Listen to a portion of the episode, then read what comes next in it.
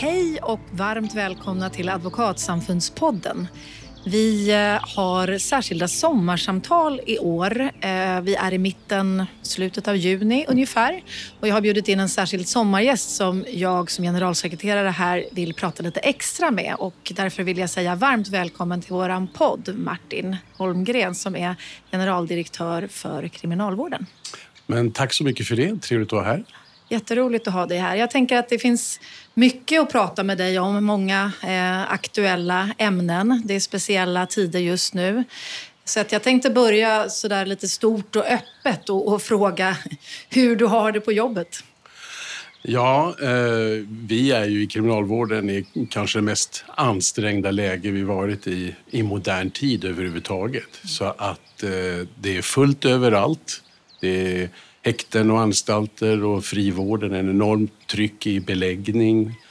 Det är tryck när det gäller säkerhetsfrågor, det är tryck när det gäller så att säga, vårt återfallsförebyggande arbete. Så att eh, eh jag har fullt upp varje arbetsdag, ja. kan man lugnt säga. Hur ser en vanlig dag på jobbet ut? Är det olika beroende på vad du gör? Är du ofta på kontoret eller ute på, på plats och besöker Eh, ja, till att börja med så är ju eh, Kriminalvårdens huvudkontor i Norrköping så att jag är en del i veckan i Norrköping, en annan del i veckan så är jag rätt eh, ofta baserad på vårt regionkontor i Liljeholmen.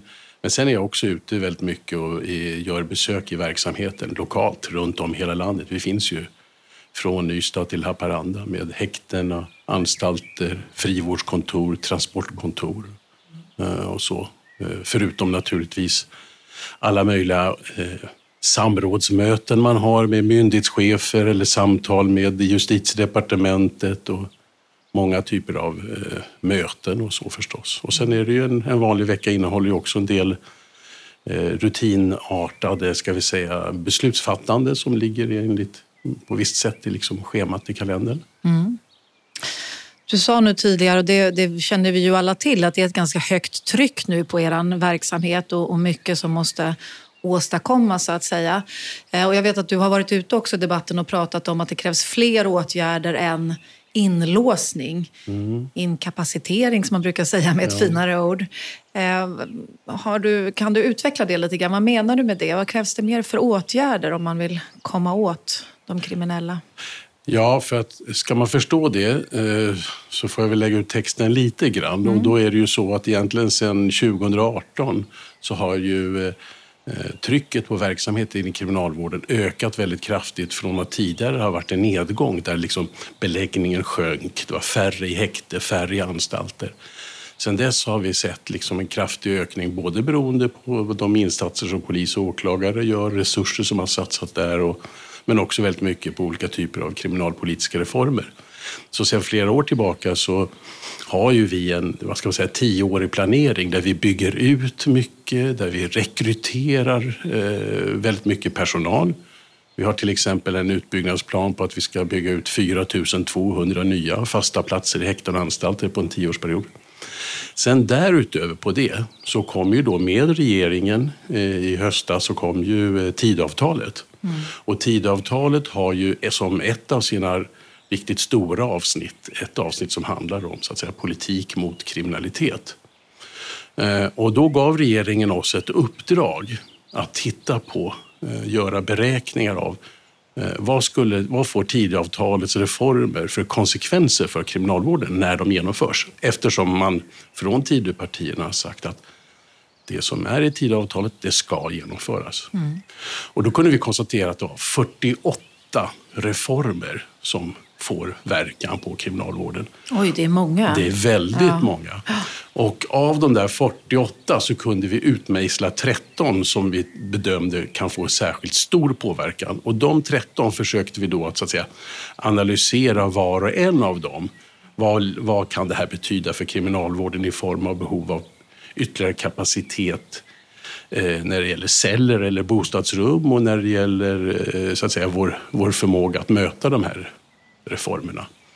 Och eh, i det uppdraget som vi redovisade i april, då sa vi att vi sa för det första att det var otroligt svårt att göra någon mer mm, detaljerad, noggrann bedömning. För de här reformerna är ju beskrivna i ganska, så att säga, korta ordalag och det är ju reformer som ännu inte har varit föremål för utredning i, i stor utsträckning. Men vad vi sa var att om man tittar samlat på de här reformerna så en eh, försiktig uppskattning betyder att eh, vi skulle behöva fördubbla de planer som vi redan har idag. Eh, vi talar om att det skulle betyda ungefär mellan 4 och 5 000 nya fängelseplatser. Vi sa att det motsvarar ungefär bygget av 16 stora anstalter. Och med stora anstalter menar vi, menar vi anstalter som kan ta emot 300 intagna. Mm. Så det är en gigantisk utveckling och utbyggnad eh, som vi skulle behöva göra eh, om och när man genomför alla reformer i, i tidavtalet. Mm. Jag måste bara avbryta det där lite grann. Att bygga anstalter, det måste ju ta en väldigt lång tid, tänker jag. Är det liksom rimligt att hinna med med tanke på hur snabbt utvecklingen ändå går med med personer som omhändertas eller fängslas, nej, häktas. Nej, och det där är ju precis, eh, och det där är ju då en av eh, de, sto, de stora ska vi säga, faktorerna som gör att det är svårt för oss att klara detta. Mm. Nämligen att ska du bygga en helt ny anstalt från grunden så kanske det tar mellan en sju och tio år. Mm. Vår strategi bygger på att vi i första hand bygger ut i, på, i befintliga miljöer, mm. i anstalter där det redan finns. Mm. Eh, och vi bygger olika typer av hus tillsammans med fastighetsägare, men det tar väldigt lång tid. Så vad vi då sa i det här uppdraget det var att även om vi får de ekonomiska ramarna vi behöver, även om vi får möjlighet att bygga ut, så tar det sådan tid. Så att för det första så menar vi att regeringen måste överväga längre ikraftträdandetider, längre tid för implementering av kriminalpolitiska reformer. Men vi säger också att vi tror att för att kunna möta så att säga alla de här reformerna i Tidöavtalet, att man ger oss möjlighet att också arbeta med andra reformer för att, så att säga, som vi skriver där, lätta på trycket i andra ändan. Och det betyder i klartext att ska vi klara att ta emot allt detta som är en följd av reformer kopplade mot en, eh, åtgärder kopplade mot den grova brottsligheten, mot den organiserade brottsligheten, så kanske vi behöver tömma fängelser i Eh, i andra ändan med mm. de som kanske sitter med lite kortare fängelsestraff där det finns en lägre återfallsrisk. Då redovisar vi ett antal förslag där man skulle istället kunna använda sig av frivårdspåföljder. Mm. Vi kommer komma tillbaka till det, men hur, hur populärt är det där bland politikerna undrar jag då? För det är ju mycket tal om nu hårdare tag och inkapacitering och bort från gatan. Så hur, hur populärt är det att, att, prata om det? Att, man kanske, att vissa kanske då inte ska, ska vara inkapaciterade så att säga? Nej, men jag tror, nej, det är klart att det där är en politisk debatt som jag är i och för sig glad över att vi har fått det uppdraget för det har gett oss ett tillfälle att föra in ett bränsle i den diskussionen. Och när vi har lämnat över den här rapporten till justitieminister Gunnar Strömmer har vi fått ett väldigt gott mottagande och man tycker att det är intressant och man vill titta vidare på detta. Vad det sen får för utslag i liksom politiken, det vet vi ju ännu inte. Men jag tror att det, och det försöker vi ge uttryck för också eh, när vi skriver detta, att man måste ju nog vara beredd att hålla isär lite grann vad det är som händer i, eh, när det gäller brottsligheten. Att å ena sidan så har vi ju eh, den förfärande utvecklingen kring den, den allra grövsta brottsligheten, skjutvapenvåldet och som man måste ingripa mot. Men vad man ibland glömmer bort i debatten det är ju att när det gäller kriminaliteten i övrigt så säger inte statistiken något annat än att den inte ökar generellt. Nej. Eh, och det är också så att till exempel att de flesta, som, eh, de flesta som sitter i våra fängelser är ju inte kopplade till organiserad brottslighet. De flesta som sitter i fängelse sitter på fängelsestraff som är ett år eller kortare. Mm. Så det finns att säga ett utrymme, menar vi, särskilt för att kunna möta just behovet av att eh, inkapacitera och ha långa fängelsestraff för den riktigt grova brottsligheten. Så finns det ett utrymme att eh, kunna eh, möta annan kriminalitet med också ingripande påföljder och som kan motsvara så att säga, ett behov av samhällsskydd och integritet för brottsoffer med hjälp av frivårdspåföljder. Mm. Och det kan man, det kan man göra kanske eh, särskilt tydligt med hjälp av elektronisk övervakning, fotboja som man ju ofta brukar säga. Som man kan, och det lämnar vi då ett antal exempel på hur, hur man skulle kunna gå vidare med det. Mm. Men du tror att det finns förutsättningar att det liksom även politiskt kan finnas, finnas ett intresse av det? För jag upplever ju ganska starkt att det är också viktigt med signalpolitiken på något sätt. Att är man dömd till fängelse ett visst antal tid oavsett vilket brott det är, då ska du avtjäna ditt straff och man vill absolut inte korta på fängelsetider och så. Men du, du tror att det finns ett utrymme att att i vart fall diskutera de här förslagen? Ja, i vart fall att diskutera. För jag håller med om att det är ju samtidigt är ett politiskt klimat där det här är en svår fråga. Det finns ju också till exempel i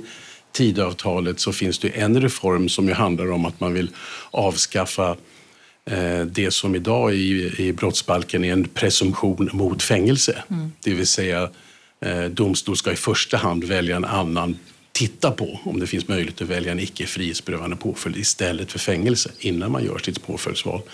Där finns det ju skrivningar som ju eh, talar i en riktning att man, det, man skulle ha någon, ta bort den presumtionen. Och, och, det är klart att det kan man ju säga, det, det eh, ser man det där så kan man ju undra, finns det något utrymme i politiken? Men vad jag säger, det är att utifrån vårt perspektiv, och det är liksom inget politiskt ställningstagande, men ska vi klara uppdraget och där det Eh, Eh, då är så att man så kraftfullt eh, vidtar olika reformer eh, för, som innebär längre straff, då behöver vi också att man tittar på andra åtgärder. Vi har ju även i den här rapporten skrivit att man skulle kunna överväga strafftidsförkortningar. Därför att, Vad innebär det, en strafftidsförkortning? Ja, det skulle ju innebära att, det kräver ju beslut i så fall av regering och riksdag, att man eh, eh, går in när det gäller befintliga straff och eh, eh reglerar liksom att man Mm. Att man får villkorligt friges i ett tidigare skede. Skulle det gälla vissa typer av brott då eller skulle det gälla liksom en, en viss, har man fått en viss straffsats så är det en straffsats som eventuellt kan förkortas? Eller vad skulle det gälla för hur skulle man strukturera det? Tänker jag? Det, det som är huvudpoängen i det, så när vi beskriver detta, det är vi ger ett antal exempel på områden där vi tror att regeringen bör sätta sig ner att arbeta med de här frågorna. Och vi lämnar ju ett förslag att det här ska man göra genom att tillsätta ett utredningsarbete. Mm. Och jag skulle ju vilja se att man satte igång ett utredningsarbete parallellt med att man nu eh, arbetar med många olika lagförslag som innebär strängare straff. Där man sätter igång ett utredningsarbete som skulle kunna naturligtvis behöva ta olika aspekter i övervägande eh, men, men, men som skulle liksom ha det här temat, kan man hitta andra påföljder som motsvarar olika typer av behov eh, än att eh, personer sitter i fängelse. Och när det gäller det här med strafftidsförkortningar, då tänker vi oss naturligtvis i första hand eh, intagna där man kan bedöma att det är en låg återfallsrisk till exempel som, som eh, ett rekvisit. Mm. Vad, vad, kan det finnas mer då för sådana eh, andra eh, åtgärder som, som inte är att sitta eh, inne? Är det fotboja eller vilken typ av, av andra? Ett av de förslag på åtgärder som vi, vi beskriver där det är att eh, kriminalvården skulle få möjlighet att omvandla fängelsestraff på upp till ett år till att avtjänas med fotboja. Och idag är det så att bara straff upp till sex månader får omvandlas eh, till fotboja. Så där skulle vi vilja ha en förändring. Eh, att det istället ska avtjänas genom fotboja. Då eh, betyder det att då frigör man platser i anstalt samtidigt som man har då en elektronisk övervakning. Vi föreslår också att man skulle kunna eh, genomföra att elektronisk övervakning, fotboja, införs som en självständig brottspåföljd som domstol skulle kunna alltså döma ut ett sådant straff direkt som ett alternativ till fängelse. Eh, man skulle också kunna göra, som man också har i andra länder, att man har ett slags kontrollerat boende med eh, fotboja. Så att man avtjänar ett straff, men man får göra det i någon form av boende, kanske något, mm, någon institution eller behandlingshem eller någonting med fotboja. Jag antar att det där kräver ändå, kommer att kräva vissa resurser kring bedömningen av vilka som är lämpliga att avtjäna sina straff på det sättet och så. Ja, det kommer det att göra och det kommer, det kommer både krävas ett utredningsarbete och det kommer också krävas naturligtvis mycket av oss för det är vi som ska ta ansvar för de här påföljderna mm. genom vår frivård. Mm. Så det är ju inte, det är liksom inte någonting som vi har uttryckt för att göra det liksom lättare för kriminalvården allmänt och det är ju väldigt ingripande påföljder. Men det skulle vara ett sätt att så att säga frigöra ett utrymme så att vi kan leva upp till det som eh, regering och riksdag förväntar sig nu när man eh, genomför i väldigt hög takt eh, lagstiftningsförändringar som, som innebär att beläggningen hos oss, både häkte och anstalt, ökar väldigt snabbt.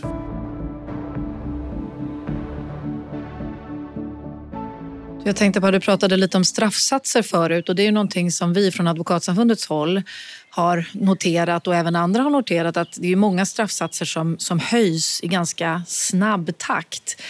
Eh, och det tänker jag, det påverkar ju er direkt måste det göra och, och till och med vissa brott där man har liksom höjt eh, fängelsestraffet bara för något år sedan ska höjas nu igen och så. Det gäller flera olika brott faktiskt skulle jag säga, till exempel vapenbrott, grovt vapenbrott eller så. Ehm, har ni någon, för ni någon statistik och bedömningar kring hur alla de här höjda straffsatserna faktiskt påverkar er verksamhet? För det måste påverka väldigt mycket, tänker jag.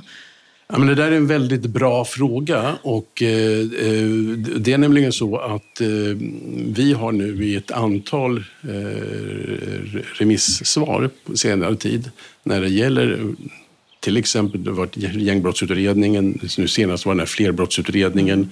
Du nämnde vapenbrott. Det är ju en en, en departementspromemoria på remiss just nu ju, som ju handlar om ökade straffsatser när det gäller grova vapenbrott.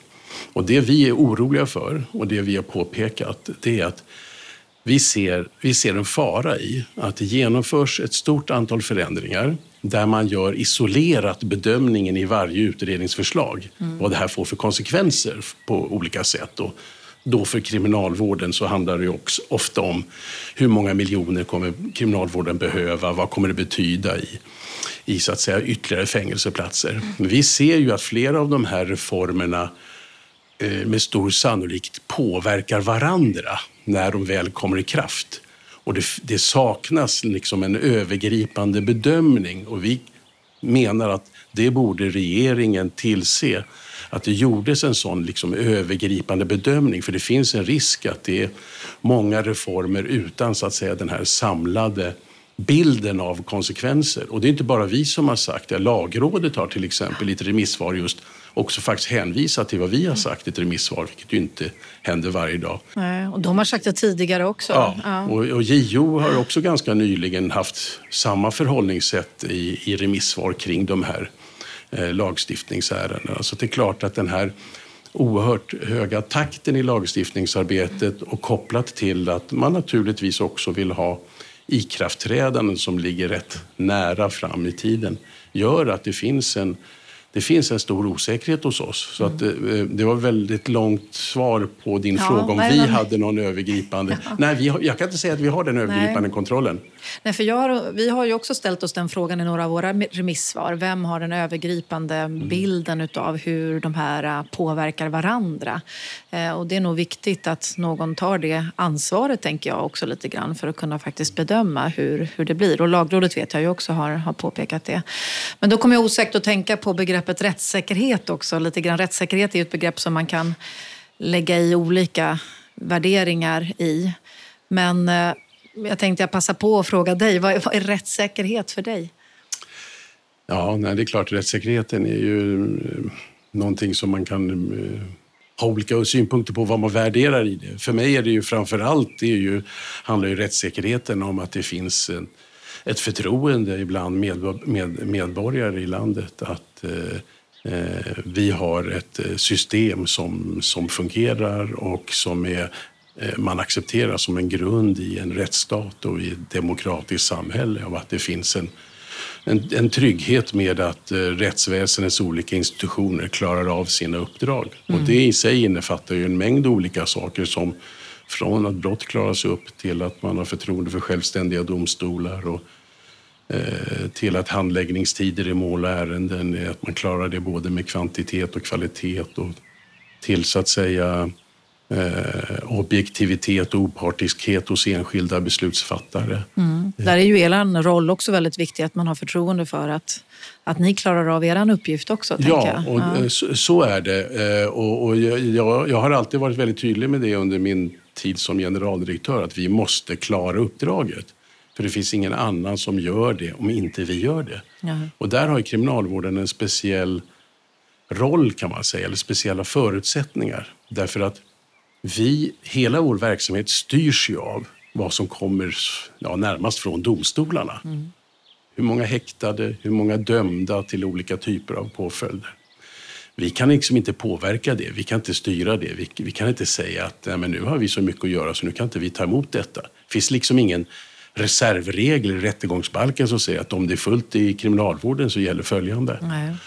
Och samtidigt när man då eh, predikar det budskapet som jag gör eh, och samtidigt som realiteten är att det hela tiden blir längre häktningstider, fler som sitter i häkte, fler som döms till långa fängelsestraff, så utmanas ju en annan viktig del av kriminalvården, nämligen det som är vårt återfallsförebyggande uppdrag.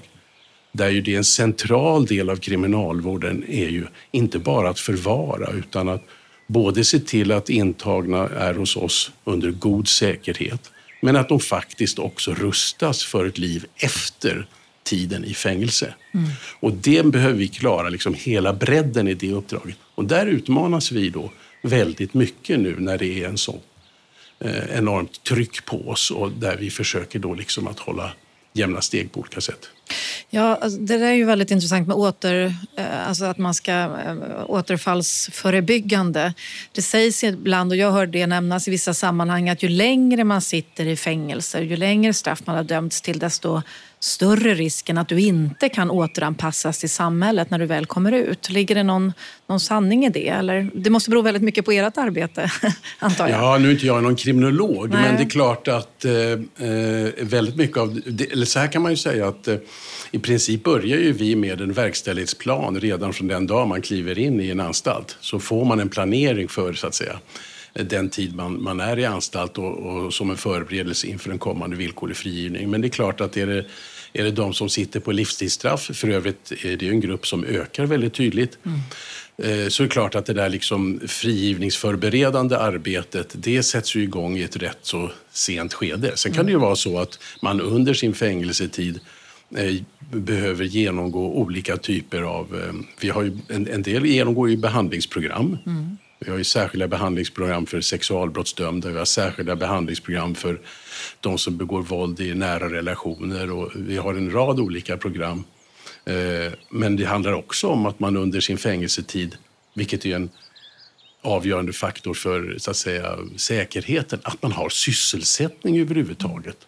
Så att vi har ju anstalter där man bedriver eh, byggindustri, träindustri, metallindustri, eh, plastmontering, eh, det kan vara... Ja, det är väldigt eh, olika saker. Ja, det kan vara kan. textilier och, och, så. Mm. Så det, handlar, det är också någonting som är viktigt, både utifrån så att säga att intagna ska ha en sysselsättning men också som en möjlighet att, så att säga, man sen har bättre förutsättningar än annars att också kunna få ett arbete när man har avtjänat sitt straff. Det där måste vara väldigt svårt att ta mycket resurser tänker jag för de som är intagna har så olika förutsättningar antar jag. Det är skillnad på en, en 16-åring som inte har gått ut gymnasiet och, och, någon som är 40 och som faktiskt kanske har liksom, eh, arbetat tidigare. Det måste vara jätte, kräva mycket resurser. Ja, men det, det gör det och, och, och, då är du också inne på det som är en grundval för den svenska synen på liksom en god kriminalvård och då är det, den utgångspunkten är att man gör en individuell planering. Mm. Så att eh, utgångspunkten är i och för sig inte att man tillhör en viss grupp eller att man har begått ett visst brott. Eh, utan utgångspunkten är så att säga en individuell planering där man då lägger en lägger eh, så att säga, åtgärder utifrån eh, vad finns det för risker, hur ser behovet ut hos, eh, hos den här intagna och hur ser det ut med mottagligheten, vilka förutsättningar har man att Eh, att arbeta utifrån ett visst program och så. Mm. När du säger individuell planering då så kommer jag att tänka på människorna eh, bakom rubrikerna på något sätt. Jag tänker att det är någonting som, som vi har gemensamt, advokater och kriminalvården, att vi träffar ju faktiskt de här personerna som, som är intagna, möter dem, vilket inte alla andra aktörer i rättssamhället gör. Alltså domstol, åklagare, polis träffar dem inte på, på samma sätt. Vad, hur, hur mår, går det att svara på den frågan, hur mår de intagna idag? För det är, liksom, det är väldigt fullbelagt och det är högt tryck på er och så. Hur, hur mår de intagna?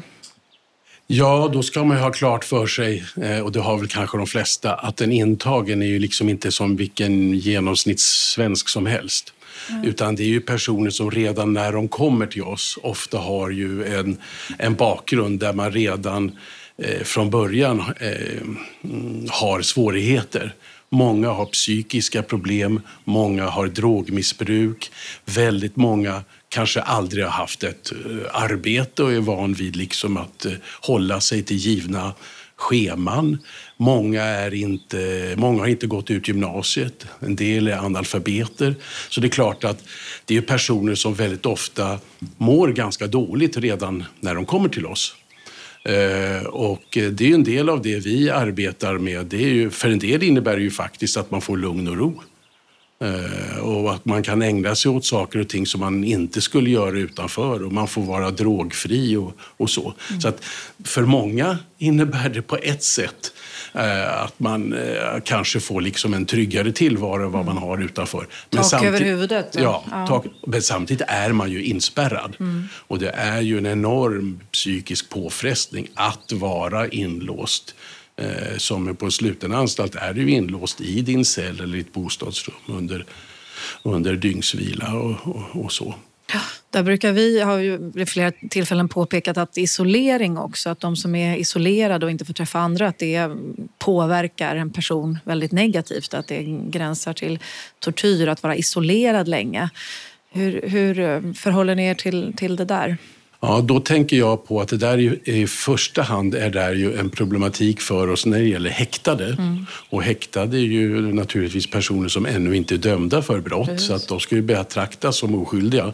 Samtidigt som ju, jag tror jag vågar säga 60-70 procent av alla häktade eh, sitter ju med restriktioner från åklagare och domstolar. Det vill säga man får mer eller mindre inte kommunicera med omvärlden. Eh, och där har vi ju krav på oss att vi ska kunna möta upp med att man också kan ha en mänsklig kontakt, att man kan få gå ut på en rastgård och så.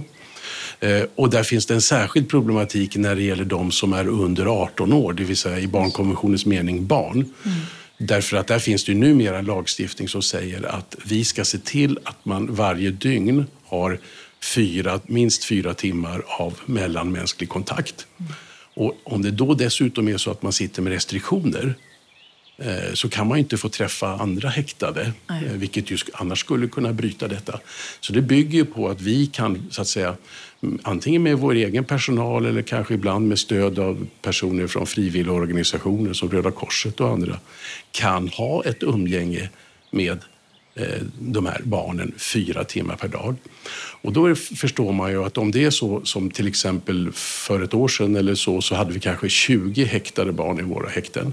Nu senaste siffran var 55. Oj, ja, och då, om man bara räknar fyra timmar på varje individ så förstår man att när det är så att vi har väldigt många som är under 18 år, och det har vi nu också för eh, på grund av de eh, frihetsberövanden som görs, bland annat kring unga människor som som ägnar sig åt skjutningar och så. Men de ska också ha den här rätten. Så eh, har vi svårt att leva upp till det här kravet, mm. eller rättare sagt, vi lever inte upp till det kravet. Jag tror mm. bara vi klarar upp mot 60-70 procent av det. Och vi får kritik från JO för detta och det är ett absolut lagkrav. Så att vi gör stora ansträngningar för att eh, möta detta. Men det handlar ju om att det ska finnas både att vi har tillräckligt med personal, men också att vi har bra lokaler och ytor för att kunna så att säga eh, möta andra människor. Och många häkten idag som är av lite äldre slag har inte heller de här ytorna, till exempel rum där man kan sitta utanför sin häktescell. Men hur förhåller ni till det då, att ni faktiskt inte kan uppfylla lagen eh, ens när det gäller barn? Det måste vara ganska... Det är otroligt frustrerande ja. och det var, jag, tror, jag skulle vilja säga att det var, jag tycker det var olyckligt att man införde ett sånt eh, precis timkrav. Men nu ser lagstiftningen ut på det sättet så vi vi måste ju förhålla oss till det. Eh, och vi redovisar ju det mm, öppet också årligen, i, vad vi gör för åtgärder och så. Och det handlar ju om att eh, stärka upp med kompetensförsörjning och att prioritera de här, eh, den här uppgiften. Men, men, men vi är inte där ännu, men, men, men vi måste lösa det.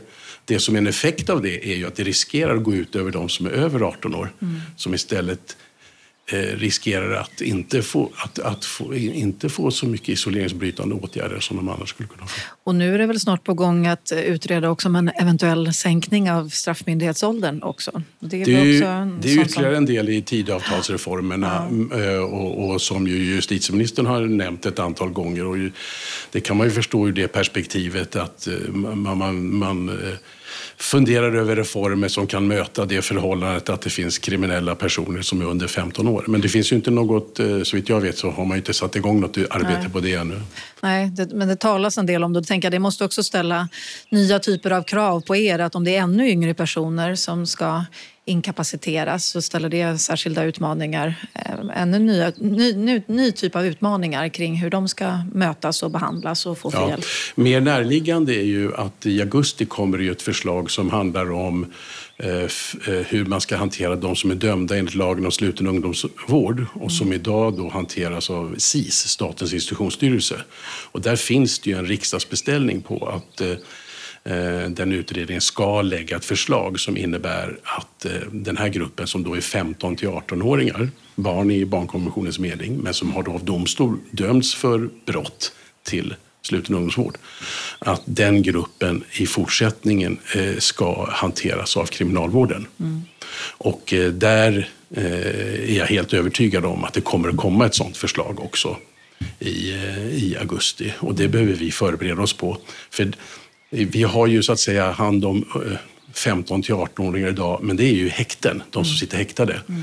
Vi har i princip ingen som sitter i fängelse, även om domstol kan ju idag, jag tror det krävs synliga skäl, döma en som är under 18 år till fängelse. Men om det finns en eller två och resten är ju, är ju placerad hos SIS enligt lagen om sluten ungdomsvård. Men mm. där kommer vi framöver se att där kommer nog kriminalvården att få ta över ansvaret för den gruppen också.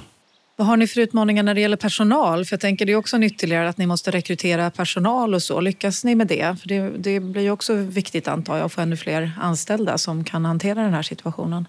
Ja, det är ju... Eh, när jag började för tre år sedan då, då var det lokaler att bygga ut som var det stora fokuset.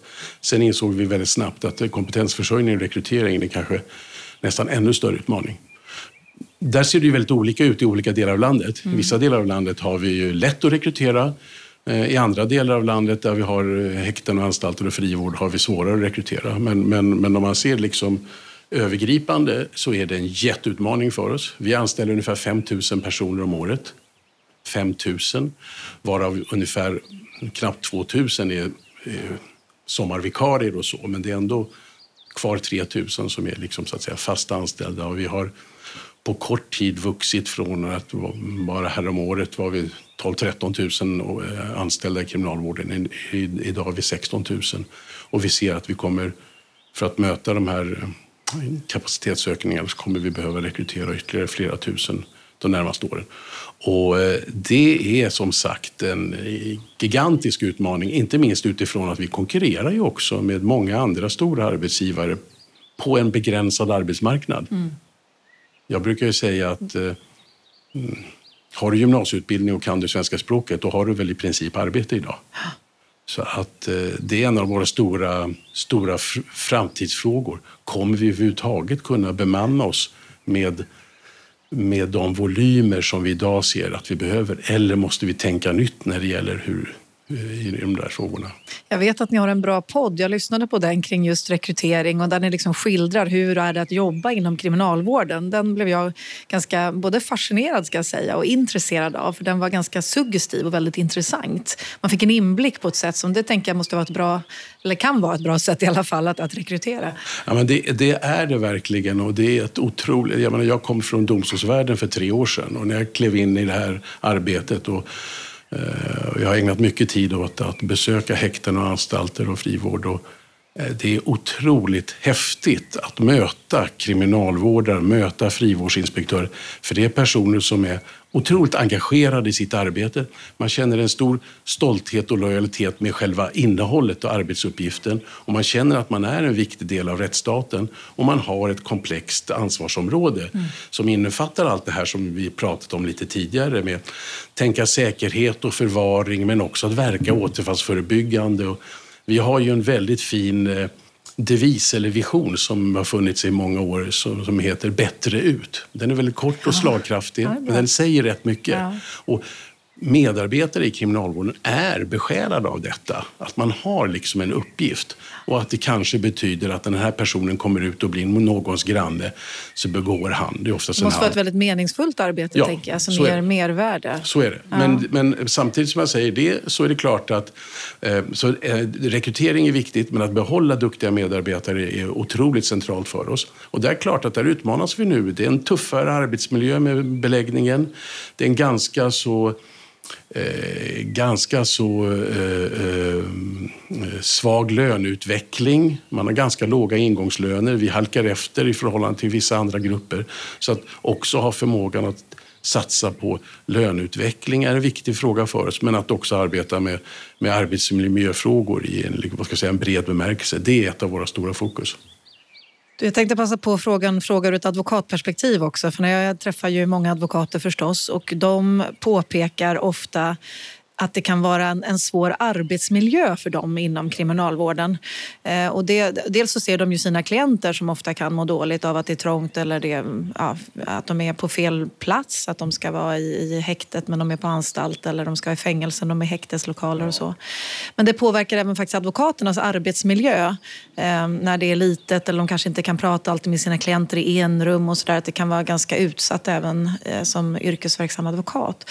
Är det där någonting som tankar som finns med? Jag förstår ju att ni har, har liksom fullt upp med all, all, allting ni ska tillgodose men, men finns de eh, tankarna med kring också, att det är en arbetsmiljö för yrkesverksamma? Ja, det skulle jag säga att det gör i allra högsta grad. Och, eh, I grund och botten är det otroligt viktigt för oss att det finns en väl fungerande möjlighet till kontakt mellan de intagna eller klienterna, våra klienter, och advokaten. Att man har möjlighet att kunna ha samtal både liksom telefoni eller vid personliga besök. Och när vi bygger nytt så planerar vi för att kunna göra det där på ett så bra sätt som möjligt. Eh, men verklighet, alltså det du beskriver och de vittnesmålen, de håller jag med om. För verkligheten är ju sån idag att vi tvingas också att göra avkall på så att säga, de här mötesytorna och förutsättningarna för att det ska kunna bli så bra som möjligt i de här kontakterna. Just på grund av beläggningsläget. Vi, vi tvingas ju på häkten och anstalter ibland tvingas vi ju liksom utnyttja nästan vartenda utrymme för att ta emot nya häktade. Då. Mm.